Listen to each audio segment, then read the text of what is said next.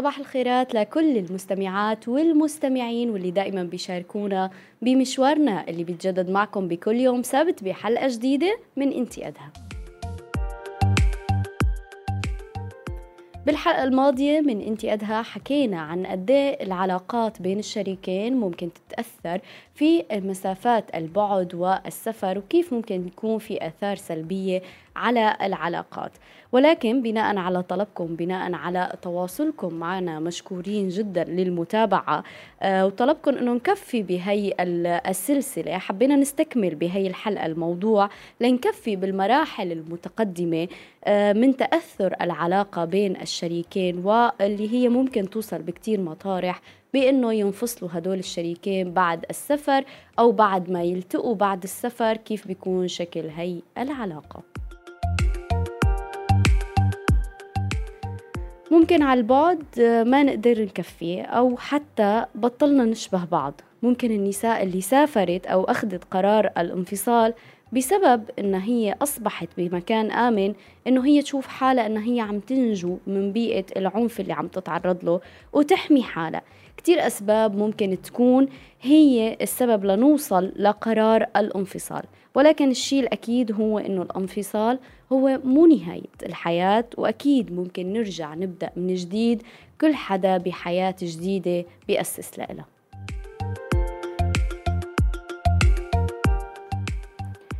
لنفسر أكثر بخبايا النفوس وكيف بتتأثر هي العلاقات وكيف بتنعكس علينا عفوا وكيف نحن بنتعامل معها وكيف بيتغير شكل العلاقة بعد السفر وبعد البعد وكيف بيكون كل شريك مننا آه، تعود على نمط حياة معين. بيسعدني أنه ينضم لي الاختصاصي النفسي محمد السيد. أهلا وسهلا فيك معنا أستاذ محمد بحلقتنا لليوم من أنتي أدى. يا أهلا وسهلا يسعد صباحكم يا رب وصباح السادة المشاهدين على الفيسبوك أو على السادة المستمعين. يسعد صباحك وأنا كمان بدي صبح على كل اللي انضموا لنا على البث المباشر على صفحة راديو روزنا على فيسبوك أيضا وعلى يوتيوب على قناة روزنا ليكونوا معنا بحلقتنا لليوم. يسعد صباحكم جميعا يسعد صباحك سيفانا آه، من بداية البث المباشر معنا. وكمان بدي أدعي الجميع كمان ليشاركوا البث على صفحتهم لحتى نقدر فعلا آه، نساعد كل مين عم يعاني من أثر نفسي كل مين شايف حاله على خلينا نقول على شفا حفرة هي العلاقة. ممكن تكون آه، بمكان ما رايحة للانفصال. ممكن كلمة نقدر نستعيد آه، توازننا فيها ونرجع نحاول نساعد هي العلاقة. أه تحياتي لك عن جديد مرة تانية أستاذ محمد. السفر والبعد حكما بيأثر على العلاقة بين الشريكين. وأكيد يعني نحن بحاجة لوعي أه لنقدر نتجاوز المشاكل. ولكن أحيانا نحن بنمتلك هذا الوعي بس كل حدا آه، صار بمكان جغرافي معين عم يتعامل مع أشخاص جدد ثقافات جديدة آه، كيف بتنعكس آه، هي التنوعات الجغرافية والتعامل مع أشخاص مختلفين على العلاقة بين الشريكين؟ نعم. بداية حاجة أصبح على حضرتك وعلى السادة المستمعين والمشاهدين حاب أشكرك على الدعوة لمناقشه هذا الموضوع اللي هو يعتبر اليوم واحد من أكبر المواضيع تحديا في بناء العلاقات والعلاقات الاجتماعية نظرا إلى أن العالم قد تحول إلى قرية صغيرة. حقيقة اليوم يكاد لا يخلو أسرة إلا من غياب أحد طرفيها بالسفر أو كثير من الأسر خلينا كمان نضيء على جانب آخر من الرواية صح التعبير وهو أن هناك أسر أسست اساء أساسا ببداية علاقة كل واحد كان في بلد عن طريق الحب عن طريق الإنترنت أو الحب عن بعد. فبحاله غياب أحد الشريكين في إحدى الدول للسفر مثلا حال كثير من السوريين اللي طلع الزوج واستنى الفترة لحتى حسن يعمل لم شمل إلى أوروبا لزوجته وهكذا. حقيقه بهذه الحالة نحن نتكلم نموذجيا عن علاقة فيها طرفين كل منهم هو في مكان كل منهم هو آه، في ثقافة. وكلمة ثقافة هون حقيقة تعني أكثر من مجرد آه، بس إنه والله هو آه، عم بيستخدم أجهزة حديثة ومجتمع متحضر أو متأخر أكثر من المجتمع الآخر. نحن نتحدث هنا عن أصدقاء مختلفين نتحدث عن لغة مختلفة نتحدث عن ثقافات حتى عن تفضيلات طعام إذا أحببتي. نتحدث حتى عن أنماط تفكير تتغير عن قوانين مختلفة. هذا الاختلاف بين الشريكين لما بيكون أحدهما مسافر هو التحدي الرئيسي الذي يعكس أساسا ما نسميه الاستقلالية. بمعنى إذا لم يكن الشريكان كلاهما قادر أن يعي أنه مستقل بأصدقائه بعمله بطبيعة آه، يومه كيف كيف بمر بالوجبات المفضلة له فغالبا هذه العلاقة سوف تواجه الكثير من التحديات. برأيي الشخصي أن المشكلة الأكبر لما يغيب أحد الزوجين بالسفر هو أن هذا الغياب هو اختبار فعلي وحقيقي لمشكلة الاستقلالية، هل يا ترى عندما نرتبط نحن مع بعض نلغي استقلالياتنا الفردية؟ أم تكون الاستقلالية موجودة فعندما يسافر أحدنا لا يتأثر الآخر، يجب أن لا ننسى بأنه من المهم جدا آه، أن ندرك بهذه الحالة سفر أحد الشريكين أن الشريك الآخر هو موجود وغير موجود. بمعنى أني لا أستطيع الوصول إلى هذا الشريك إمتى بدي؟ أنا بعرف في عندي شريك ممكن ألجأ له ممكن أفضفض له ممكن أحكي له ممكن أرتاح معه. ولكن بنفس الوقت هذا الشريك مو متاح دائما. يعني أبسط شيء خليني أتكلم عنه مرة في إحدى المستفيدات كانت بتناقشني في موضوع بسيط جدا ولكن خطير جدا في العلاقات هو فرق الوقت. يعني زوجها بيكون هو راجع من عمله في بينه وبينه حوالي ثلاث أو أربع ساعات. فهو لما بيكون آه، بده ينزل على دوامه صباحا نحن عم نحكي الساعة 8 بينما في بلدها الساعة لسه 6 الفجر. وهي عندها طفل فبتقلي إنه أحيانا كان بيتصل فيني فهذا شيء بيزعجني إنه أنا أساسا ماني نايمة طول الليل بسبب الولد وهو لسه بيتصل فيني من الخمسة الفجر. آه فهون فرق التوقيت هذا العنصر البسيط جدا. لاحظي كيف ممكن يقود إلى نتائج. فالسفر هو اختبار لاستقلالية في العلاقة. حكيت عن الاستقلالية الفردية. يعني هون إذا بنفسر أكثر أستاذ محمد بطبيعه يعني خلينا نقول بروتين الحياة الطبيعي اللي ما فيه آه، سفر أو بعد بين الشريكين هل الاستقلالية الفردية هي آه، شيء مطلوب أو لا؟ لازم يكون السيدة معتمدة على الزوج والزوج معتمد على شو شو الخيار الصح؟ يعني حتى وقت اللي ياخذوا قرار السفر أو البعد ما يكون في هذا آه، يعني خلينا نقول المطب يوقعوا فيه. نعم. حقيقة نتوقع سؤالك آه، وضع آه، اليد على الجرح مباشرة. للأسف في نظرة في مجتمعنا على مفهوم الزواج أنا شخصيا من منطلق تخصصي لا أراها أنه هي صحيحة. ننظر نحن إلى الزواج على أساس أنه اتحاد وذوبان وزوال لأي اختلافات، بالتالي أنا بحب ألبس أصفر لازم زوجتي تكون بتحب تلبس الأصفر ولازم تحب الناس اللي بتلبس الأصفر. أنا بحب آكل آه، صباحا طبخ فهي لازم تحب تاكل طبخ وهي لازم تعمل طبخ. ف برأيي هذا الأمر بيعمل مشكلة كثير كبيرة بعيدا عن موضوع السفر، لسه ما تكلمنا عن موضوع السفر، لأنه أساسا العلاقات هي قائمة على القبول المتبادل، يعني أنا اليوم إن غيرت الشريكة تاعيتي وصارت نسخة مني وأنا تغيرت وصرت نسخة منها، فنحن أساسا بقائنا مع بعض مش مضمون إما لظروف الوفاة أو لظروف الانفصال، وهو أمر قد يحدث كلانا. لذلك آه، نعم المطلوب في العلاقات ذكاء الحب أساسا هو ذكاء المسافات. بالتالي أنا عندما أعرف كم يجب أن أصل من القرب في التشابه من شريكتي وكم يجب أن أحافظ على استقلاليتي. هذا يبدأ من العمل ولا ينتهي بالأصدقاء.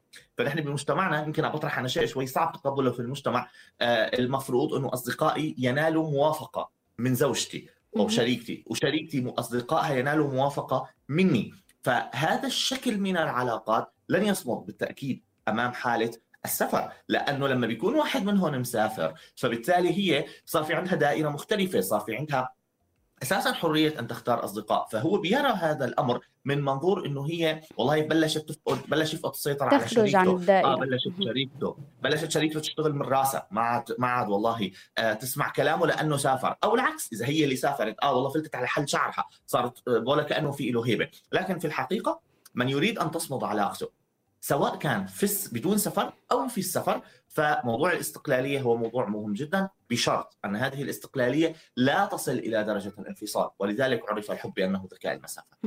ويعني إذا بدنا نحكي آه، بالواقع الحقيقي أكثر على أرض الواقع آه، يعني بخصوص العلاقات تحديدا النساء هم المطالبات آه، إنه يكون الشريك يعني بأغلب الحالات هو من يعني يرضى عن صديقاته.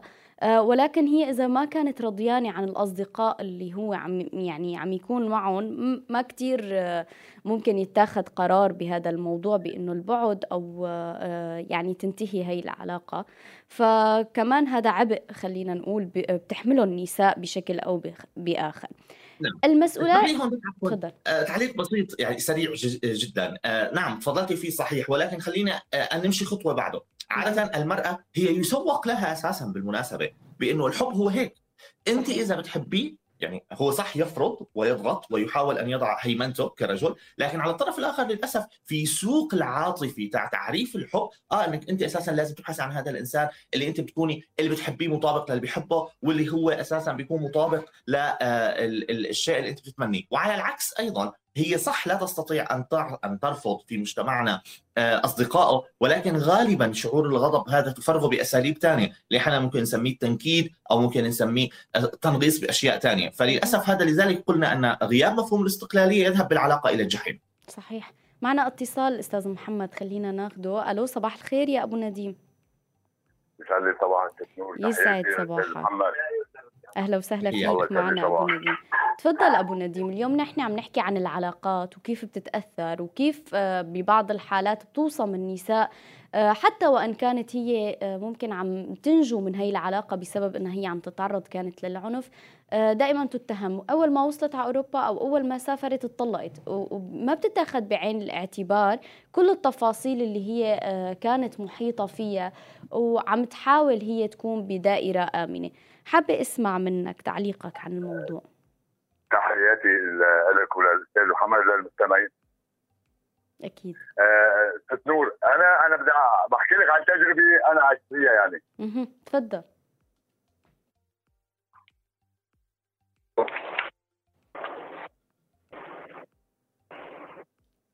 ألو أسمعني؟ نحن عم نسمعك أبو نديم. تفضل أنت. آه بالجامعات أنا كنت أسافر كثير يعني بلدان عربية يعني أردن لبنان وكذا وأغيب عن عائلتي كثير يعني ضليت فترة شي 15 سنه أتنقل من بلد لبلد.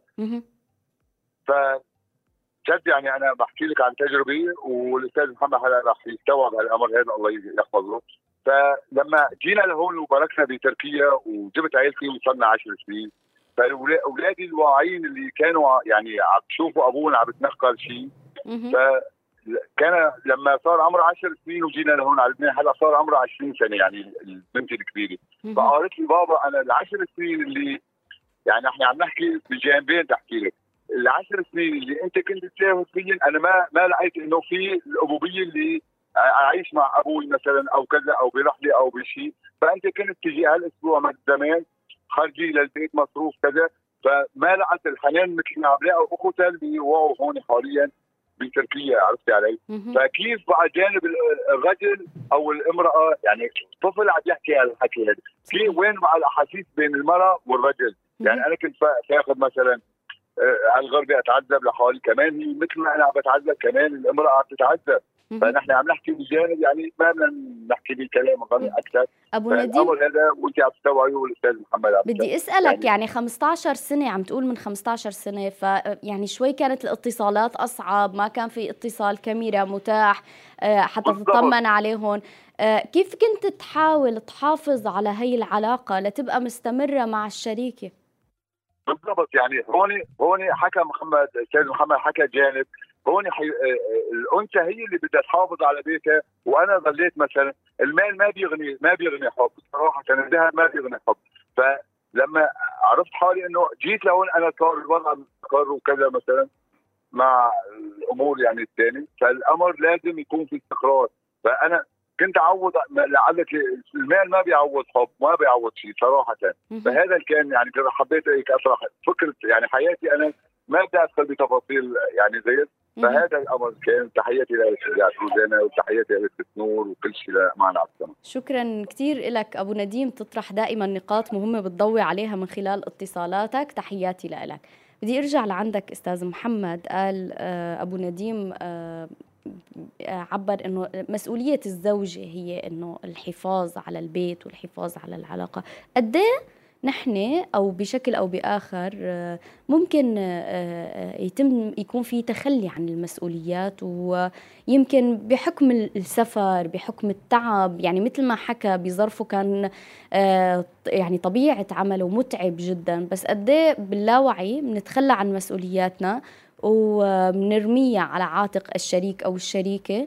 وهون آه، كيف بتصير التفاصيل وبتخلينا تتأزم هاي العلاقة؟ نعم. آه، بداية حاب أتشكر آه، الأخ أبو نديم على مشاركة آه، تجربته اللي هي غنية حقيقة ومثالية لحتى نناقشها.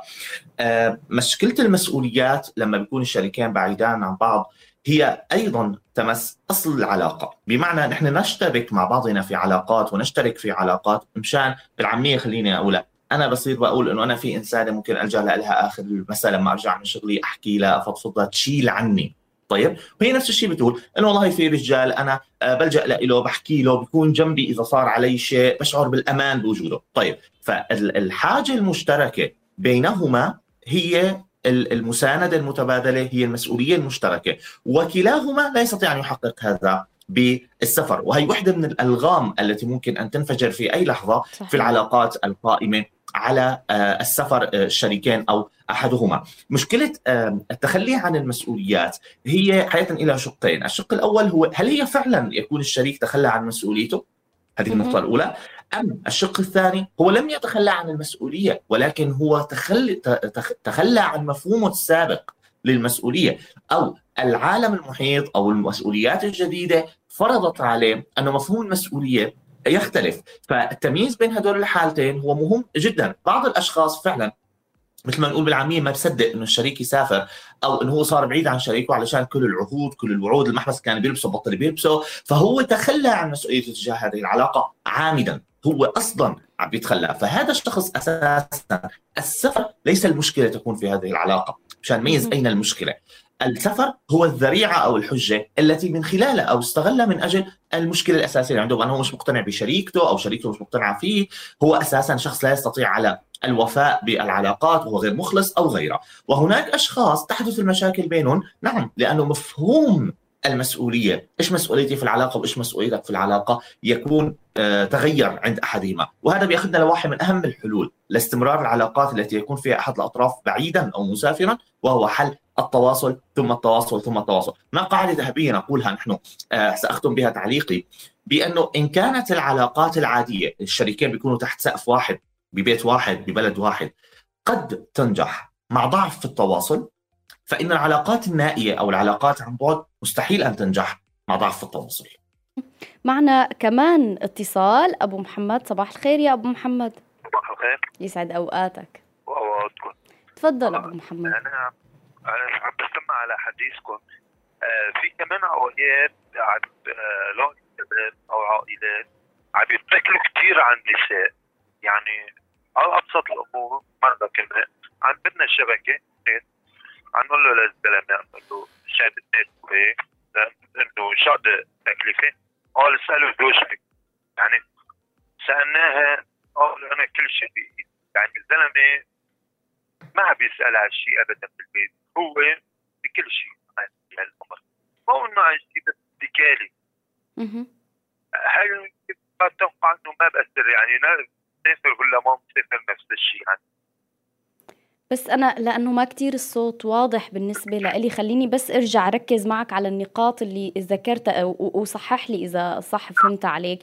آه عم تحكي عن تجربة بين شريكين. آه أي شيء بتسألوا عنه؟ يمكن جيرانكم أو هيك. هو بي بيوجه المواضيع أو التفاصيل اسألوا زوجتي أو كل شيء عند زوجته. صحيح هيك؟ هو موجود بنفس البيت أو لا؟ موجود بنفس البيت بس هو ما بيتدخل بأي شيء. قال أنا ما لي أي علاقة بأي شيء. البيت خلص زوجتي هي بتحل الأمور. في اتكالية. هذا الأصل. ضاير كمان في اتكالية الله. الاتكالية ونقطة مهمة جدا يا أبو محمد. آه، رح نحكي فيها هلأ آه، مع أستاذ محمد السيد كمان. شكرا كثير آه، للنقطة المهمة اللي ضويت عليها. تحياتي لك أبو محمد. الاتكالية أستاذ محمد وهل هي آه، فعلا بتكون اتكالية أو قد تفسر بسبب البعد وبسبب آه، سوء التواصل وبسبب آه، عدم آه، خلينا نقول ببعض الحالات عدم قدرتنا على إيصال الرسالة بشكل مناسب. بنقرا الشريك إنه هو اتكل علي بكل شيء أو اتكلت علي بكل شيء وبيحصل هذا الاصطدام أو مثل ما سميتها حضرتك إنه قنبلة قد تنفجر بأي لحظة. نعم. حقيقة آه، أنا حابب أتشكر آه، الأخ محمد على طرح موضوع الاتكالية. خليني أبلش فيه قبل السفر بداية في نمط من من أيضا من عملي صرت أشوف إنه هو ما بعرف أين أتانا في ثقافتنا وهو نمط الرجل المستقيل بمعنى هو الرجل وليس المرأة. بمعنى بإنه الرجل بيكون قاعد أنا بستغرب حقيقة شو عم في الحياة يعني. يعني آه، مسؤوليات دفع الفواتير مسؤوليات النزله لشراء الأغراض مسؤوليات آه، التواصل مع الحكومة أو مع الدوائر الحكومية مشان يعني والله في في موضوع كمالك في موضوع دائرة الهجرة مسؤوليات إدارة شؤون المنزل حتى مسؤوليات تربية الأولاد تحت حجة إنه إحنا هون مثلا في تركيا خلينا نقول والله دوامي طويل. هذا النمط قبل السفر هو حقيقه بلش ينتشر بشكل مخزي. أنا اسمحي لي أستخدم هالوصف يعني. فنحن قديما في ثقافتنا كان في عندنا مصطلح أو في مثل كان بيقول الرجال في البيت رحمة. ولو كان فحمه فهو حقيقة على ما يبدو كان في هيك ظاهرة بمجتمعنا ولكن بدات تنقرض ثم عادت. اللي هو الرجال ما له شيء ما له وجود ما له داعي أساسا موجود وجوده في البيت ما له داعي لا بقدم ولا بأخر. مش لأنه الزوجة هي مسيطرة وهي نقطة مهمة. وأحيانا الرجال بيقولوا أنه السبب بين بعضهم في الأحاديث الترترة الرجالية بأنه والله النسوان هن المسيطرات أو القادرات. ولكن في الحقيقة كثير من الرجال أنا اليوم ألمس هذا الأمر برجع بقول بعملي لهم ثلثين الخاطر بانه هو مستقيل مستقيل من تعلم اللغة مستقيل من محاولة إنه هي بحجة طول بالها أطول بحجة هل يعتاد الرجال يعني وقت اللي السيدة بتاخذ على عاتقها وكلها بهي المهمة وكلها وهي قبلت ومرة على مرة يعتاد الرجال على آه يعني الاتكالية و ولكن بالمقابل يقال الرجل لا يقبل إلا بأخذ المسؤولية على عاتقه أنه هو يحل الأمور. يعني بحسب ما أكثر من شخص بالاختصاصات النفسية بيفسر كتوصيف للرجل. آه أعطيني هذا الرجل هذا الرجل الطبيعي الذي لم يتعرض إلى تشويه بالطفولة الذي لم يتعرض إلى تشويه لمفهوم الرجولة والأنوثة بالنسبة له. ففهم الرجولة بانه هو اللي بيضرب وبعصب وهو بحق له يتجوز سنتين وثلاثة وهو بحق له ياخذ من العلاقات خارج إطار الزواج قديش ما بده وما في حدا بحساء له. هذا الرجل هذا التصور للأسف المشوه اللي صار موجود عند كثير وليس كل آه، الرجال. أعطني الرجل الذي يعرف أنه مسؤولية أن العلاقة أنه رجل يعني أنه مسؤول. أن العلاقة يعني أنه مثلا خلينا نتكلم حتى عن الأشخاص موجودين في أوروبا. آه، بعض آه، الاستشارات تأتيني تحت حجة اللغة. على سبيل المثال بحكم أن النساء أقدر على تعلم اللغات طبيعيا فطريا أسرع في تعلم اللغات فبحجة أنها تتقن اللغة أكثر ففجأة بتلاقي حالها علقت بكل التواصلات الحكومية بالإيميلات بالبريد بالتواصل آه، مع ال ال الأوراق الرسمية إلى آخره وبتركيا نفس الشيء. فهذا الموضوع خليني أوضحه بداية هو واحد من الأشياء التي تقود إلى الانفصال بعيدا عن موضوع السفر. لذلك أنا كثير عم برجع أركز على نقطة يا جماعة هناك مشاكل في العلاقات قبل السفر ما تحطوها برقبة السفر. طيب السفر أظهرها. يعني أنا أذكر إحدى الاستشارات كانت تأتيني بأنه زوجها هو مقيم في إحدى دول الخليج بيأتي آه مثلا شهرين مستمرات وكل شهرين يأتي أسبوع. فلما يأتي مثلا في معاملة عليها بالبنك هو ما بيروح بحجة إنه إيش خلص أنت بتعرفي لغة تركية. طيب الأولاد عندهم مشكلة في المدرسة. لا لا روحي أنت بحجة ان هي بتعرف لغة تركية. طب أنت ماذا تفعل عندما تأتي إلى اسرتك هو قاعد فقط. هو قاعد موجود عم يتفرج على نتفليكس. فهذا النمط من العلاقات. إذا رجعتي درستيه قبل السفر كان هيك أصلا كان نفس الأسلوب يستخدمه. فموضوع الاتكالية هو واحد من الأمور التي تجعل الشريك أو الآخر يشعر بأنه لحاله. يعني أنا أذكر إحدى الجمل التي آه، سمعتها من إحدى المستفيدات.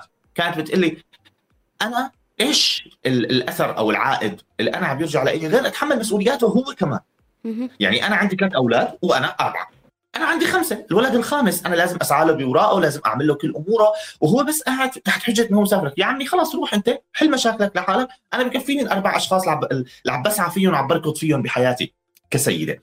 فالاتكاليه هي تدمر شعور الأمان وشعور إنه تشارك المسؤولية ان هناك شريك معي في المسؤولية. فلما يضاف لهذا الموضوع البعد فبوقت الإجابة بتكون صارخة جدا الصوت واضح جدا. أنا شو مستفيده من هذه العلاقة؟ أنا ما الاثر الذي أستفيده. هذه السيدة نفسها اللي كنت أكلمك عنها انتهت علاقتها بالانفصال. قالت له خلاص أنا عندهم بكفيني. علما عندها أولاد في الجامعة. علما إنه هي آه، مش مش يعني سيدة خلينا نقول فيها مقتبل العمر. ولكن وصلت إلى مرحلة بأنه هي حست حالها عم تربي خمسة أولاد بدل أربعة، الخامس هو زوجها، تسعى له باوراقه الرسميه لما يأتي زيارة، موضوع الفيزا، موضوع آه، مراجعة البنوك، طيب، الأمر يزيد عن حده. وبدي هون آه، يعني روح لتعليق وردنا على الواتساب من أبو آه، أبو روجان عم يقول آه، أغلب حالات الطلاق التي تحصل في أوروبا بس يصلوا أوروبا ويلاقوا الدولة عم تصرف عليهم تتغير المراه 200 درجة. حابة أسمع نعم. منك. آه صحيح هذا الكلام. وهذا لا يعيب المرأة. خليني خليني أوضح هون ولو أطلت قليلا. ولا يهمك. آه دائما الأسرة هي جزء من منظومة المجتمع. بالتالي عندما تكون الأسرة قوامها هو سيطرة الرجل أو سيادة الرجل فغالبا هذا ينسجم مع المجتمع اللي بيكون تحت سيطرة الأب القائد وسيادة الأب القائد. وفي المدرسة بنلاحظ نفس الشيء أنه الأستاذ هو اللي بيأمر وبينهي والأستاذ هو الحاكم بأمر الله أو النائب عن الله. فالمجتمع يكون عادة له نمط واحد ونسق واحد.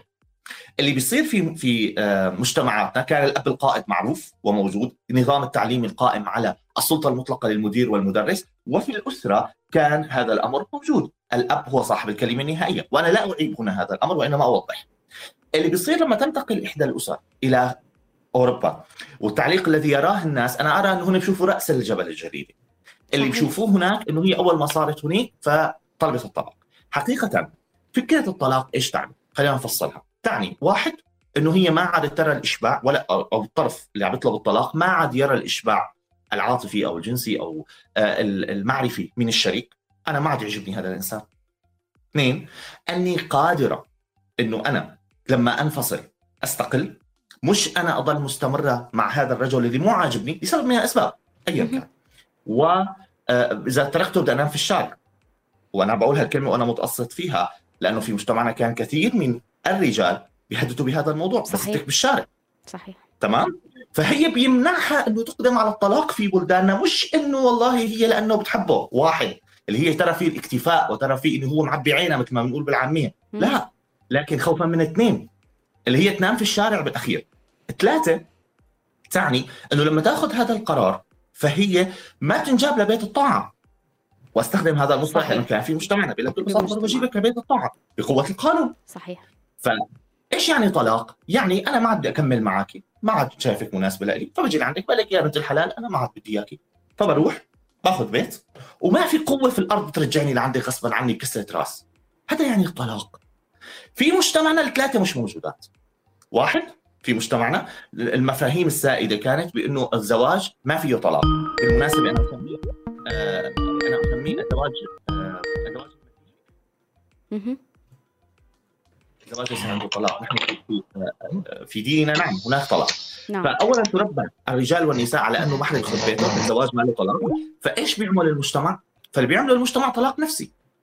بتلاقيهم عايشين تحت سقف واحد ولكن عم بيضربوا ويعني تعقيبا على هذا الكلام رح أقرأ رسالة وردتني على الخاص. آه، يعني نعم. من إحدى النساء اللي هي دائما بتشاركنا.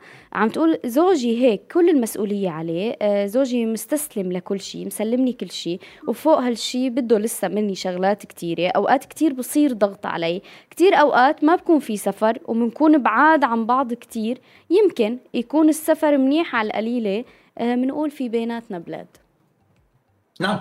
فهي هي النقطة يعني مهمة جدا بإنه يا جماعة نحن كثير من المشاكل هي مشاكل علاقاتنا. أظهرها السفر وعلقت براس السفر ولكن السفر ما له علاقة.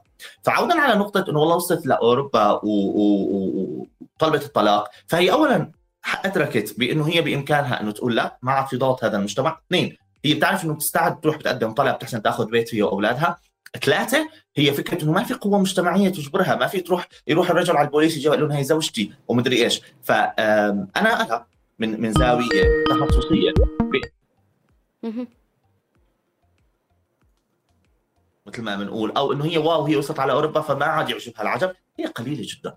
وترى العكس صحيح أيضا. لا ننسى أن في نسبة بالمقابل من الرجال اللي وصلوا على أوروبا ما تعجبه زوجته أيضا لأنه هناك في حرية مجتمعية في انفتاح أكثر في وصول إلى علاقات متعددة أسهل في في في. فالموضوع ليس بهذا السوء وإنما تعالوا نناقش أصل المشكلة. أصل المشكلة أنه قبل السفر الناس لسه ما سافروا نتكلم عن حالتنا نحن على سبيل المثال في تركيا أو آه، في سوريا أو في بلدان آه، ليست أوروبية من اللاجئين السوريين. هناك كثير من البيوت الخربانة من جوا ولكن لا يملك هو أو هي ترف إنه يقول إنه أنا بدي أنفصل أو تقولوا أنا بدي أنفصل، فليست المشكلة في أوروبا، المشكلة في خراب البيوت اللي بنحمله مع بيوتنا لما نطلع على أوروبا فينكشف هناك. صحيح. وكمان حابة آه، يعني بهذا السياق آه، كل مين معنا على السمع وعلى البث المباشر نستمع لتجربة إحدى النساء اللي عاشت تجربة السفر وكيف انعكس الموضوع على علاقتها مع الشريك وكيف كانت النتيجة خلونا نسمع مع بعض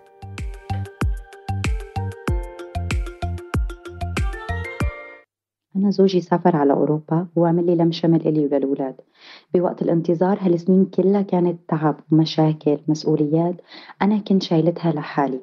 هو كان تعبان آه، بس بمشاكله الخاصة بأمور الغربة. أكيد حقه أنا ما عم بنكر بس مسؤوليات الأولاد والعيلة أنا كنت شايلتها. ولا مرة جرب يسألنا شو لازمنا. أو حتى لما كنت أستشيره بأمور مهمة بحياتنا كان يقول لي اتصرفي أنتِ. شوي شوي صرت أحس إنه أنا ما حدا شايل معي المسؤولية، أنا لازم شيل كل شيء لوحدي. بعد ما وصلنا لعنده على أوروبا اتفاجأت إنه هو خلص منظم حياته على شكل إنه هو عزابي. وما عاد بيعني له أبدا يرجع لنظام العيلة والمسؤوليات والاهتمامات آه، اللي مفروض هو كشخص متزوج يشيلها ما عاد له خلق يتابع مع الأولاد آه، ولا ولا بأي شيء لا بالمدرسة ولا بمشاكلهم مع أصدقائهم بحياتهم. أنا كنت مفكرة لما أوصل رح أرتاح ورح يساعدني وفي حدا رح يشيل عني الحمل ورح يخفف عني. لكن للأسف تفاجأت إنه أنا لازم شيل همه وهم العيلة اللي كنت شايلته قبل ما أوصل لعنده. لهيك أنا أخذت قرار الانفصال لأنه ما عاد فيني أتحمل أكثر من هيك.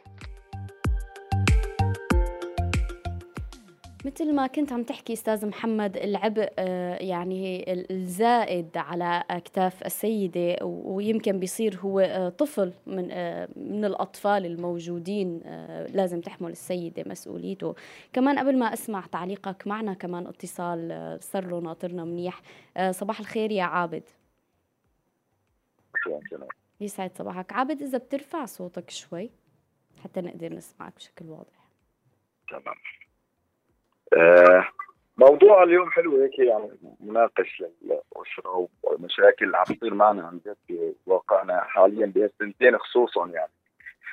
يعني بالنسبة للرجل لما يسافر ليامن وضع الأسرة ويجعل مستقبله أفضل ما في إحصائية بتقول إنه الرجل أو المرأة عليهم حق أو حدا منهم يعني مخطئ أكثر من الثاني. في دوافع للشخصين بالخطأ.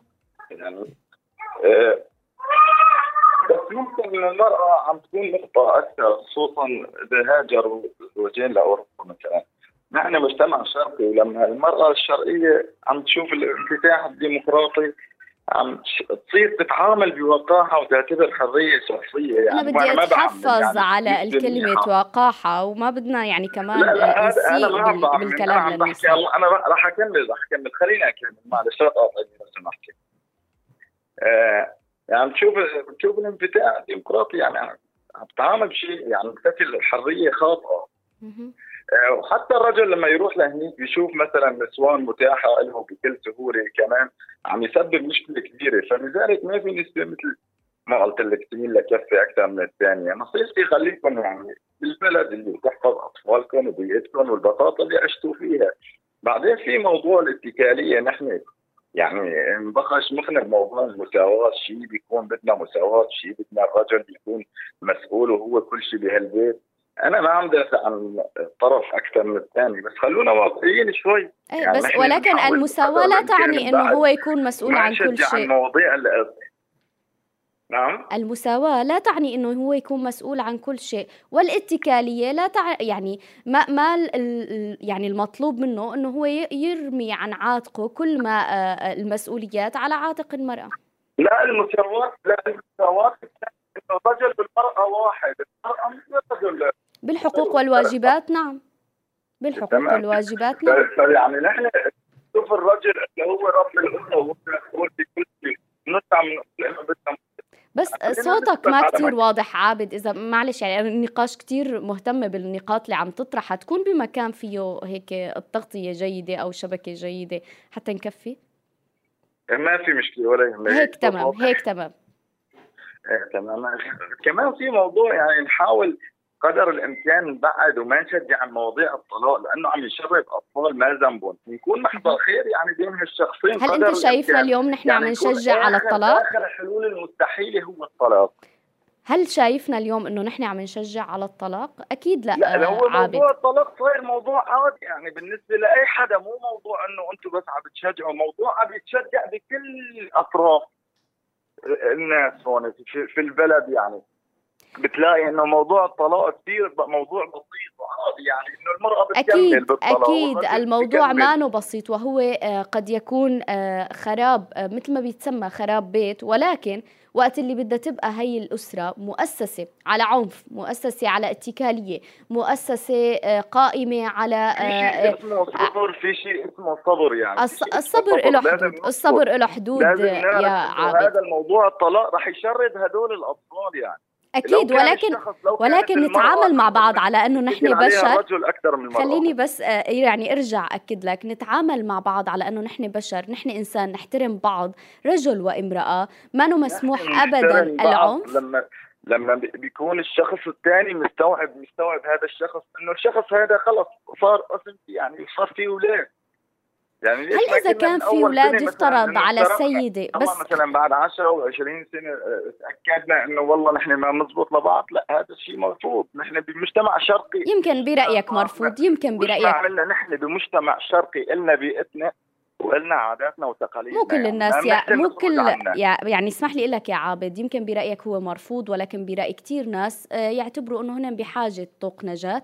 والمجتمع الشرقي اللي عم تتحدث عنه يمكن أنت تكون قبلان ب خليني أقول لك الأعراف والتقاليد البالية اللي بيحطها على النساء وبي بي بي يعني بيحط الرجل بس هو بمساحة الأمان. موضوع شخصني آه أنا ما لا لا أبداً. لا أنا, عم عم رد على كلامك. شد الحفله طرف أكثر من طرف. لا ابدا ابدا. ابدا نحن ما عم نشد أي الحاف لأي طرف بالعكس اليوم نحن عم نحكي عن الرجل والمرأة كيف لازم يتواصلوا حتى يحموا هي العلاقة ويتأسس هذا البيت بشكل فعال لا هو أنتم دائما الموضوع عنكم الموضوع دائما عنكم إنه المرأة على حق والرجل على غلط يعني أكيد في لا. في مساواه أكيد لا. نقبل المساواه بس ما نقبل الشخصنه دائما إنه في حق على الرجل أكثر من المرأة دائما. للأسف بسبب بسبب الإحصائيات. أنا قبل على طول بقولها. بسبب الفكرة لازم نوصلها صح للمرأة وللرجل. اثنيناتهم عابد بس لانك لازم يصلحوا بسبب الأح... بسبب الإحصائيات اللي أنت حكيت عنها ببداية حديثك بسبب الإحصائيات اللي بتتصدرها دائما إنه النساء بتتلقى العنف من الشريك آه، بأعلى الدرجات بيصير الواقع إنه للأسف الرجل المعنف والسيدة هي الضحية. بدي أتشكرك عابد. نحن ما بنقبله شكرا شكرا لأنك ما بتقبل بالعنف شكرا هذا أمر تخلف. هذا مو هذا مو هذا مو بيئتنا. هاي ما بيئتنا ولا هي تربيتنا نحن نحن مجتمع شرقي ما بنقبل بالعنف. فهذا اسمه تخلف. مو مو مو شرقي هذا الإنسان بيتعامل هيك. صحيح لهيك قلت لك نحترم بعض كبشر وكإنسان. شكرا يا عابد للنقاط المهمة اللي ضويت عليها وأثرتها بحلقتنا لليوم. تحياتي لك. بدي أرجع لعندك أستاذ محمد كمان كتير حابة أسمع منك تعليقك على الأحاديث اللي طرحها والنقاط اللي طرحها عابد باتصاله. حقيقة اللي تفضل فيه الأخ عابد أنا بشوف أنه هو شيء عظيم جدا وهو ما نطمح له. نحن ما نطمح له ليس أن تنفصل العوائل عن بعضها. نحن ما نطمح له أن تبنى عوائل حقيقية. ما نطمح له أن يوقف التعنيف وأن توقف كل حالات انتهاك الحقوق. ما نطمح له إذا بدك أنا أزيد ليس المساواة وإنما العدل. العدالة بمعنى صحيح. مثل ما نحن من حقي أنا كرجل أن أرفض العلاقة اللي أنا أكون مش مرتاح فيها كرجل. وما حدا بيقول لي اصبر؟ أو بتقول لي اصبر لسنة سنتين. أنا أسعى أنه ترجع تتصل فينا وتقول أنا أوافق على أنه المرأة أيضا يكون من حقها بدون ما تلام في المجتمع بأنه هي قد ما بينقال للرجل ينقال لها اصبري ولكن بعدين إذا انفصلت ما ينقال عليها إنه هي انفصلت لأنه لأنه لأنه لأنه. ما ينقال عنها قليله اصل لأنه صاحب الأصل بيضل آه، مخلص لآخر لحظة بدافع عن بيته. وكأنه الرجل طبيعي ما يكون عنده أصل. فبالتالي يتخلى عن بيته إمتى ما حس إنه ما عاد يقدر. طب هل يا ترى المرأة إمتى ما حست إنه ما عادت تقدر؟ تضل مستمرة مع هذا الرجل. أيضا بنت أصل لما بتقول لا. ما نسعى له حقيقة هو إصلاح خفايا كثير من حالات العفن التي نحن نصف أحيانا بأنه نحن مجتمع متماسك ولكن ما تحت الستار من أشياء أخرى ليس ما نسعى له أن يكون مجتمع غربي، أنا أول شخص يرفض أن يكون مجتمع غربي وأن نحول مجتمعنا إلى مجتمع غربي. أنا أسعى وأستخدم كل منبر وهذا المنبر طبعا يسعى لهذا الأمر هو أن نحول مجتمعاتنا إلى مجتمعات قوية وفق ثقافتنا وفق ديننا وفق عاداتنا وفق أعرافنا الجيدة والصالحة. منها كما أن الغرب لا يؤخذ بكل ما فيه. كما ان الغرب فيه حتى في الغرب في تعنيف ويعني إذا بنرجع نعم. للأح... للإحصائيات كمان نسب العنف عالية جدا بفرنسا آه، تصدرت فرنسا نسب العنف ضد النساء بحالات الحجر بكورونا. فليس آه، هذا الهدف يعني. هذا خليني أقول عم ياخذ الحديث بمنحى آخر ولكن الهدف فعلا نحن اليوم لتكون هي العلاقات متماسكة أكثر نوعا لقد ممكن يصير في تغيير بالعلاقات بسبب السفر السفر ويعني ما نراهن آه، بشكل أو بآخر على الشيء اللي كنا عايشينه. في شيء لازم نعم. نكون نحن واعيين له بهذا التغيير. نعم 100% وحقيقة نعم هناك ظلم. أنا دائما أقول كلمة وهي حقيقة أنا أراها. نحن رجالا ونساء مظلومين. كنا مظلومين. في بلداننا ونحن مظلومين في كثير من جوانب الضغط التي نمر فيها. وهذا بيخلينا نحن نعي لقضية أهمية قضية عدالة وقضية الحقوق المرأة. لأنه بالأصل نحن كرجال مظلومين أخي عابد. تعال كلمك أنا وياك رجل إلى رجل. ترى نحن نكون في عنا ترى بالمناسبة يعني. يعني ما حأخذ الحلقة إلى موضوع آخر. ولكن تخيل إذا نحن مظلومين. فكيف وضع المرأة معناتها؟ اللي هي أساسا في المجتمع للأسف هي تابع للرجل وهو تحت رحمته أن صح التعبير ابا أو اخا أو زوجا. إذا نحن كرجال لما نقعد بين بعض وكلمك أخي عابد وكل طبعا أخي عابد مش بالشخص وإنما كل شخص كل رجل عم يسمعني الآن. إذا نحن لما بنقعد مع بعض بنحكي على الزمن اللي وصلنا له وكم نحن عم نتعرض لضغط وكرجال أتكلم لضغط وظلم وما بنحسن نفتح تمنا لظروف معينة. طب كيف المرأة معناتها؟ فإذا الرجل أساسا هو عم يقول إنه أنا مظلوم. فكيف نناقش هل المراه مظلومة ولا لا؟ حكما المرأة مظلومة. إذا كان الرجل الأقوى اجتماعيا هو مظلوم. صحيح. يعني مع الأسف بتمنى نكون يعني فعلا واعيين لهي النقاط المهمة أستاذ محمد اللي ذكرتها. معنا كمان اتصال من محمد الخطيب. صباح الخيرات لك يا محمد.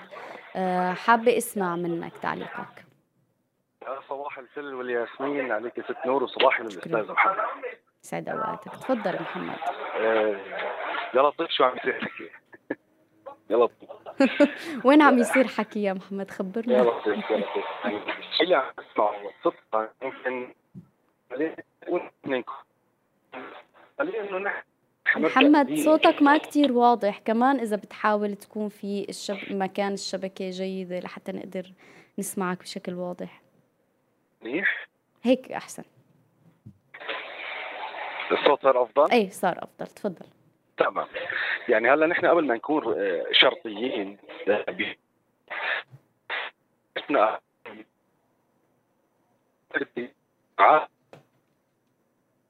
بطريقة إن يكون مع الأسف محمد ما عم نقدر نسمعك رب بشكل واضح. رح نرجع نتواصل معك. خليك معنا تحت الهواء. رح نرجع نحاول نتواصل معك من خلال الكنترول لترجع آه، تكون معنا باتصالك. شكرا لك محمد.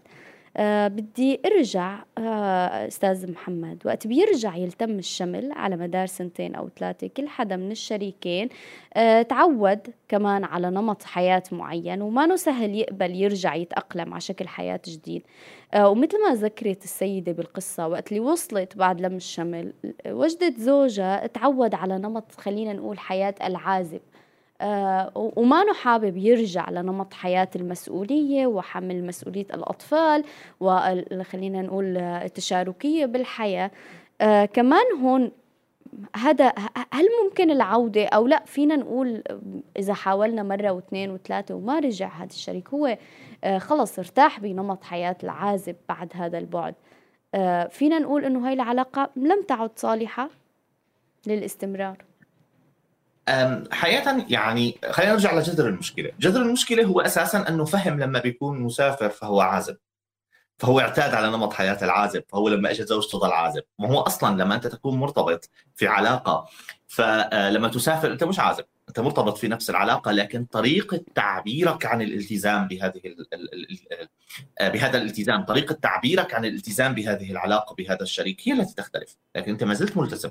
انت ما زلت مرتبط. خلينا نرجع لنفس السيناريو السيدة شاركتنا قصتها مشكوره آه بدأت قصة عازب مش لما وصلت بدأت لما كانت تسأله عن أمور الأولاد فبيقول لها أنت تصرفي لما تحاول تقحمه بمسؤوليات أسرته الأولى اللي هي لم تسافر بعد ينأى بنفسه ويقول أنا هذا كأنه شغلك أنت حلي مشاكلك أنت. فهذا الرجل من حينها بدأها عازبا وليس عندما وصلت. كان عازبا. فبالتالي الغلط إذا نقول وين وين مكمن الخطأ. مكمن الخطأ هو في أن اعتقاد تبع أنه أنا لما أكون مسافر ونائي عن أسرتي فهذا يعني أني عازب. هنا أوضح هون جزء مهم أتوقع. ممكن أتمنى كل الأشخاص عم يسمعوني ناويين يسافروا. بس الدقيقة يعيروني انتباه. عندما تختار أن تسافر إلى ثقافة أخرى فأنت تختار أن تفتح ملف هو مغلق. لا بتكون قده لا ما خليه مسكر. عندما تسافر إيش يعني؟ يعني رح يكون عندك دبل مسؤوليات. أنت وشريكتك. شريكتك اللي بقيت في البلد وأنت اللي صرت هناك. عندما تختار أن تسافر هذا يعني إنك أنت حتتقبل تقابل زوجة لإلك تغيرت ربما بنسبة 30 ولا 40% وزوجتك حتقابلك وأنت تغيرت بنسبة 30 أو 40% ما ناسبك؟ لا تفتح هذا الباب خليك. عندما تختار أن تسافر. فأنت صح تبحث عن أمان قانوني ربما بجنسية وغيرها صح تبحث عن أمان اقتصادي إنه بساعدوك إذا وقعت في المجتمعات اللي بنسافر لها لكن أنت تفتح على عليك تحديات ثقافية دينية مجتمعية. السفر ليس آه شيء أنت مفروض عليك بتفيق الصبح بتلاقي حالك حطوك في الطيارة ولقيت حالك في دولة ثانية. بل نعرف نحن عم نحكي آه بمجتمعنا بالواقع كل منا يسعى أحيانا سنين لبين ما يحسن يسافر. هو مو شيء أنت بتلاقي حالك مفروض عليك. وإنما الفرض يأتي نتيجة القوانين اللي أنت بالبلد الموجود فيها الضعف الاقتصادي يعني. تحديات وجود مرض. ولكن أنت اللي تختار إنه أنا بدي أسافر. إيش يعني بدي أسافر؟ يعني إنه أنا أقرر بإنه كل التحديات اللي عم بواجهها مثالا بتركيا كلها اقتصادية ودينية واجتماعية هي أقل من التحديات اللي بدي أواجهها بألمانيا ولا بفرنسا. وهذه الطريقة في التفكير بناء عليها أنت بتقول والله أنا حاترك تركيا واطلع على ألمانيا أو أطلع المشكلة هنا تكون في التقييم بأنه أنا لما بكون عم بقيم هون بقيم فقط جزء من الصورة اللي هو الاستقرار القانوني اللي هو الاستقرار المالي اللي هو الدعم الحكومي إلى آخره. قياسا باللي بده يصير في الدولة التي أهاجر إلى ألمانيا ولا فرنسا. ولكن انسى الجزء الأكبر اللي هو السفر بحد ذاته سنين الانفراق اللي ممكن تصير بلس تحديات المجتمع هناك. لذلك من منبري هذا اناشد كل الأشخاص اللي ناويين يسافروا أن يفكروا مرتين، لا أشجع على البقاء ولكن أفكر أشجع على أخذ القرارات الصحيحة. أنت عندما تسافر أنت تفتح عليك ملف يتضمن هذه الأمور، فلا تشتكي لاحقا لما تقول إنه أنا ليش طلعت لي هاي الأمور؟ هذا سوف يكون حكما. تمام؟ فبينا الآن وأنت على بر الأمان خذ هذا آه القرار. فالرجل عندما أو الزوجة ايا يكن عندما يبدأ يفكر بأنه خلاص أنا شريكي ما عاد موجود فأنا صرت حر أنا صرت مسؤول عن نفسي فقط وأنا قراراتي من شوري من رأسي هذا أمر غير صحيح. لأنه السفر لا يعني إنك أنت انتهت العلاقة وانتهى الالتزام. أنت وهو ما زلتم ملتزمين بعلاقة. طرق التعبير مختلفة. طرق التعبير تصبح آه، ليست كما كانت عندما نكون تحت سقف واحد. طريقة أخذ القرارات طريقة التواصل. صحيح. طريقة التواصل الحميمي والعلاقة الخاصة بيناتكم. طريقة آه، الخلاف والاختلاف بيناتكم الخناقات والأهداف المشتركة. أنه أنا اليوم أنا بنتي بدي أحجبها لما بيكون عمرها كذا. زوجتي لما بتصير هي لها وجهة نظر أخرى ترى هذا قرار رح ناخذه في كل بيوت. طيب لما تسافر أيضا حتأخذ قرار متعلق بهذا الموضوع. ابنك أنت بدك إياه يدرس ولا بدك إياه يشتغل. ابنك أنت بدك إياه يتعلم لغة ولا لا؟ وهكذا. فهي القرارات أرجع وأعيد وأكرر ب 95% من المشاكل. في موضوع السفر تكون المشكلة انه هذه الخطوات لم تحل هذه المشكلات لم تحل قبل السفر. أنا أساسا لما كنت أنا وزوجتي كنت حالل الموضوع اختلاف وجهات النظر وأخذ القرارات في البيت اللي بمنهجية لا أريكم إلا ما أرى. أنا خلاص لأنه رجل قلت خلاص لازم تتحجب البنت بغض النظر عن أي شيء. أنا لأني رجل قلت لازم الولد ينزل يشتغل. فلما أنت بتسافر أكيد مش حتضل العملية هي شغالة أو الآلية شغالة لأنه الآلية صح ليست صحيحة سلفا. الآلية بأخذ القرارات وحل الخلافات والتواصل بيناتكم ليست صحيحة. فبالتالي عندما تبتعد وتبتعد هي رح تصير هاي المشاكل. صحيح. بدي أسمع معك كمان أستاذ محمد وكل مين معنا على السماع على البث المباشر تجربة أيضا لإحدى النساء شاركتنا لليوم آه، قصتها ونعلق عليها.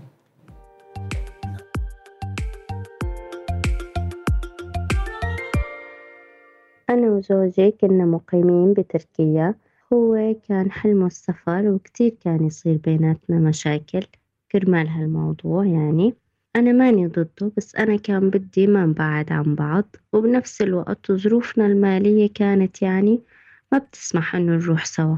بعد هيك هو سافر لحاله وأنا ضليت هون لحالي عم استنى. وبعد ما وصل صار في إهمال دائما يعني. كل ما بحكي معه اللي أنا ما بعرف أعبر لك عن مشاعري على التليفون. وكان كل الوقت مشاكل ما عاد يتصل وأنا شوي شوي تعودت تعودت وتعلمت إنه شيل مسؤولية حالي.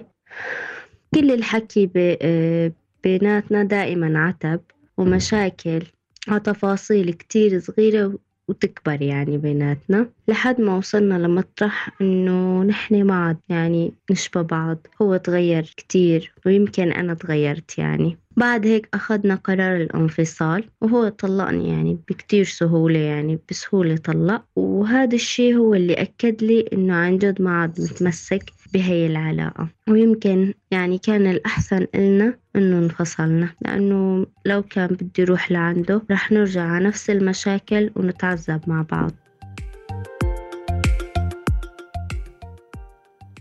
تفضل أستاذ محمد.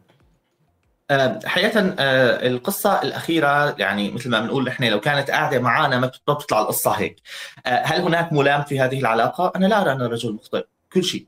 ولا أراها هي مخطئة بكل شيء. وإنما أساسا السفر له إعدادات له عدة. يا أخي لما أنت بتسافر بجهز شنطات سفر.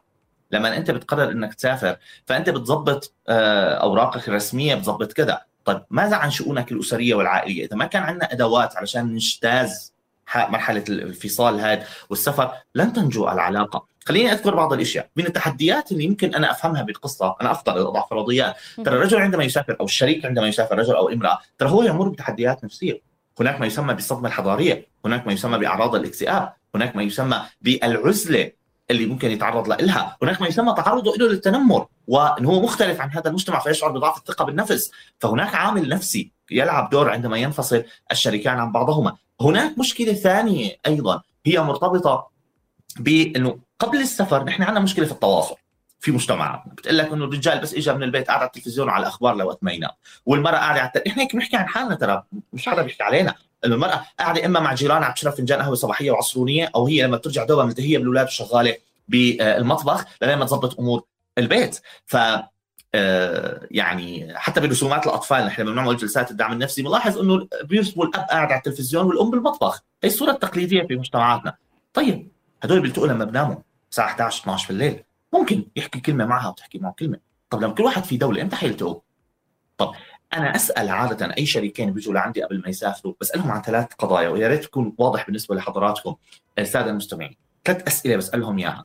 بيسألوني أستاذ محمد هل برأيك نسافر نتحمل قضية البعد ولا لا؟ القضية الأولى اللي بسألهم لها بسألهم إياها. هل حطيتوا على الأقل ثلاث أدوات أشياء تستخدموها لما تختلفوا تحلوا فيها الخلاف؟ واحد أثناء السفر بتكلم طيب؟ اثنين هل حطيتوا ثلاث أدوات على الأقل للتواصل بيناتكم؟ ثلاثة هل حطيتوا ثلاث أدوات على الأقل للعلاقة الحميمية الخاصة بيناتكم أثناء السفر؟ خليني أشرح. إيش يعني لما نختلف؟ أنا دائما أطلب منهم بالجلسه معي بإنه بيحطوا لما نختلف وأنت بدولة وأنا بدولة شو الإجراءات اللي لازم نعملها؟ واحد نقطع التواصل يعني أنا اختلفت اختلفت أنا وياكي فورا بقول؟ طيب أوكي إحنا متفقين لما ترفع أصواتنا على بعض نسكر. فلازم نكون متفقين على الشيء سبق سابقا حتى ما يفهم من أحد الطرفين إني هو دار ظهره ومشي مثل ما بنقول بالعامية. ليش؟ نحن نتكلم بكلمات بهي الحالة. أنت مش موجود أمامي عشان أقرأ تفاصيل وجهك. حتى لو فاتح كاميرا الآن. أنتم ما في أحد شايف. أنا أعلى أسفل من منطقة أكتافي. فانت ما شايف لغة جسدك. طيب؟ فدائما نضع خطة بثلاث استراتيجيات بيشتغلوا عليها. إنه مثلا نحن في عنا لما بنختلف مهما كنا مختلفين أنا وياك ونحن مسافرين يوم الثلاثاء الخميس الجمعة يوم معين مهما كنا مختلفين لازم نحكي مع بعض بدون أي جدال أو عتب. فقط بنحكي وبوقت محدد نحكي ساعتين. طيب؟ هي واحد. اثنين هل حطيتوا آلية التواصل؟ كيف حتواصلوا مع بعض؟ بيقول لي على التليفون، هذا الكلام مش مش منطقي، إيش يعني على التليفون؟ يعني أنا لازم أحكي معك فيديو ثلاث مرات في الأسبوع على الأقل. صوت بحكي معك يوميا إمتى ما بدي. كتابة بنضل مع بعض. هل بعض التطبيقات أنتم عم تستخدموها؟ يعني أنا مثلا أقترح عليهم منصة بيخصصوا فيها يوم ليشاهدوا افلام مع بعضهم بنفس الوقت مثل نتفليكس في عندها هذه الخدمة بإنه كأنه حضرانين هن مع بعضهم آه، فيلم يختاروا أي فيلم يختاروا إن شاء الله فيلم عمر المختار يختاروا أي فيلم كان ولكن يقضون وقت خاص بيناتهم مع بعض أثناء السفر. تمام؟ وك... وما قابلت خليني أكون صريح معك ما قابلت حدا استشاري وبيعرف وجود هذه المنصات أصلا. طب كيف ستنجو هذه العلاقة. قضاء وقت مشترك بيناتكم أثناء السفر. إما باستخدام بعض التطبيقات الإلكترونية اللي مثل ما قلنا بتعطيهم بيئة افتراضية بيكونوا فيها مع بعض أو من خلال محادثة فيديو تكون ثابتة اسبوعيا مهما كان الوضع ممكن يتغير وقتها بس موجودة أو غيرها. ثلاثة العلاقة الحميمة. كثير من الزوجات كانت تشتكي بأنه لما بسافر الزوج ينتبه وقتها أنه طيب بلكي حدا جسس على مكالمتنا؟ طيب فما ما ما بيصير يكون في فرفدة مثل ما بنقول نحن بلهجتنا المحلية بالتواصل بيني وبينك عن طريق السكايب أو غيره طيب كيف أنتم حالين قضية التواصل الجنسي بيناتكم؟ حاطين خطة لإدارة هذا الموضوع؟ هل مسموح بنشر بتبادل الصور بينك وبين شريكتك أثناء سفرك؟ هل مسموح بالفيديو بينك وبينها ولا لا؟ فوضع خطة لإدارة ثلاث ملفات كبيرة. نعم. هي الاختلاف وإدارته التواصل والعلاقة الخاصة من الأمور التي يجب أن تعد عدتها قبل السفر مثل لما بجهز شنطتك وبتقول حط بشكير ولا بشكيرين صحيح. معنا اتصال آه، سريعا بدي أروح له مع محمد الخطيب. آه، بعتذر منك عضيق الوقت. محمد تفضل شو حابب تقول؟ يعني ما شاء الله آه، يعني مجددا مرحب فيكم. يمكن أستاذ محمد حكى على المعلومات اللي ممكن كنت راح أضيف عنها أو أحكي عنها ولكن راح أحكي عن تجربتي أنا بشكل سريع ومختصر. آه أنا من أحد الأشخاص اللي اتيحت لي الفرصة أني أطلع اسافر على بلد أوروبي آه وكنت متزوج يعني في وقتها وعندي آه طفلة لسه. فأنا بلشت أفكر مبدئيا إني أنا إذا طلعت لهنيك كيف ممكن امن احتياجات أو كونه نحن موجودين بالتدفئه والقوانين أكثر من ممكن خلينا نقول مهام حياتنا أساسا. هي اغلب مهام حياتنا. فقلت لحالي لا مستحيل انه زوجتي تأخذ العبء هذا الكبير وأنا أصلا رح أكون بعيد. إذا وأنا موجود أنا يعني دوبي عم اتحمل هذا الشيء. فكيف إني أحملها طاقة فوق؟ ففكرت بالسفر هيك إنه أنا إذا وصلت لهيك أكيد رح اليوم رح أتعب نفسيا. وتعب معي. وبنفس الوقت هي اللي اللي متوكل علي بالسند بكل شيء. واستشهد بحديث الرسول صلى الله عليه وسلم إنه كلكم راع وكلكم مسؤول عن رعيته. فأنا بهاللحظات هاي تراجعت عن القرار. وخلص ما رح أطلع حتى لو شو ما صار. خلينا نعيش على هالمبدأ هذا اللي إحنا عايشينه أحسن ما كل واحد يفقد آه، حالته العاطفية أو المشاعرية أو يصير عندنا برود. يعني اذا إذا دخل البرود المشاعر بين الزوجين بين العلاقه الزوجية كمان رح تتدمر شغلات كثير وراها صحيح فللأسف يعني ما رح أضيف أكثر من هيك لأني أكيد وصلت الفكرة مع شكرا يا محمد لأنك شاركتنا كمان تجربتك الشخصية. أه تحياتي لك أه عابد عم يس... عم يقول بدنا تجربة رجل واحد. هي أكثر من رجل يا عابد شاركنا. شاركنا أبو نديم تجربته ومحمد أه وأبو محمد أكثر من حدا شاركنا. نحن عرضنا قصص نساء والاتصالات كانت غنية من الرجال بالتجارب. إن شاء الله نكون هيك أرضينك يا عابد. بدي أرجع لعندك ختاما أستاذ محمد بدقيقة لو سمحت. آه، اليوم إذا بنقول أهم النصائح اللي بنقولها لشريكين آه، شاعرين إنه علاقتهم آه، على حافة الهاوية. ولكن بنفس الوقت دائما بيبقى عندنا شعور إنه ممكن ننقذ هي العلاقة. شو بنقول لهم؟ نعم. حقيقة لن أزيد يمكن وإنما ألخص ما قلته. في حال كنتوا سافرتوا حاسين أنه العلاقة مهددة. في حال كنتوا ناويين تسافروا خايفين أنه العلاقة تنهار. ضروري جدا. أربع مفاتيح لإنجاح هذه العلاقات. واحد التواصل. كثير مهم إنه يكون في تواصل وأدوات وتقنيات وتفاصيل وتقعدوا تقضوا ساعات وانتوا عم تحكوا إنه أنا لما بتكون بالدوام أنا ما بحسن أرد عليكي. هذا مو يعني بطلت أهتم فيكي وهي تقول له إنه أنا الساعة 9 عندي الصبح بيكون عندك الساعة 12 الظهر لا تتصل فيني أنا تعبانة مع الأولاد. التواصل ثم التواصل ثم التواصل وأعيد القاعدة اللي قلتها في منتصف الحلقة إن كانت العلاقات العادية التقليدية قد تنجح مع ضعف التواصل فالعلاقات النائية والتي تكون عن بعد مستحيل تنجح مع مشاكل التواصل. مستحيل. اثنين قضاء وقت مع بعضهم ضروري جدا توضع آلية لتقضوا وقت مع بعض رغم البعد رغم المسافات. ثلاثة التصور أو الإطار المشترك. وأقصد بالتصور أو الإطار المشترك ليس من الطبيعي أنه أنا أكون ناوي أسافر وأنا مش عارف إمتى أو شو الأشياء اللي أنا ممكن أعملها لنصير مع بعض مرة ثانية. أنا يجب أن تكون هناك خطة ولو تقريبية. أنا طالع على ألمانيا فهذا يعني سنتين. أنا طالع على مدري وين فهذا يعني سنة. طيب النقطة الرابعة والأخيرة لا يعني لا لا نقلل من أهمية إدارة الخلاف بيناتنا وتبادل المسؤوليات وتشارك المسؤوليات. لما يصير خلاف بيناتنا اثنيناتنا مسؤولين عنه وليس واحد بيناتنا مسؤول عنه. فوجود أدوات لإدارة الخلاف تساعدنا جدا إن شاء الله في إنجاح هذه العملية نتمنى دائما الأمان والسلام يصاحب كل العائلات والاستقرار آه، بشكل أساسي بكل حب ومودة. كل الشكر لحضورك معنا اليوم أستاذ محمد السيد. كنت معنا بإنتي أدى. شاركتنا بأهم النقاط لحتى نساعد كل مين عم يسمعنا. وحاسس أنه هو بحاجة بعض النصائح لحتى يقدر آه، يساعد الشريك أو الشريكة بإنقاذ علاقاتهم. كل الشكر لحضورك معنا اليوم. شكرا لكم. شكرا جزيلا على إتاحة هذا الوقت وهذا الموضوع المهم شكر لكل مين تابعنا وشاركنا أيضا على ال social media بحلقتنا لليوم من أنت أدى كنت معكم أنا نور بالإعداد والتقديم وأيضا الزميل آش بالإخراج الصوتي والمرئي والزميلة كاتيا على ال social media وأخرج المواد المرئية دليار العلي وأشرف على الإنتاج العام لجين حاج يوسف.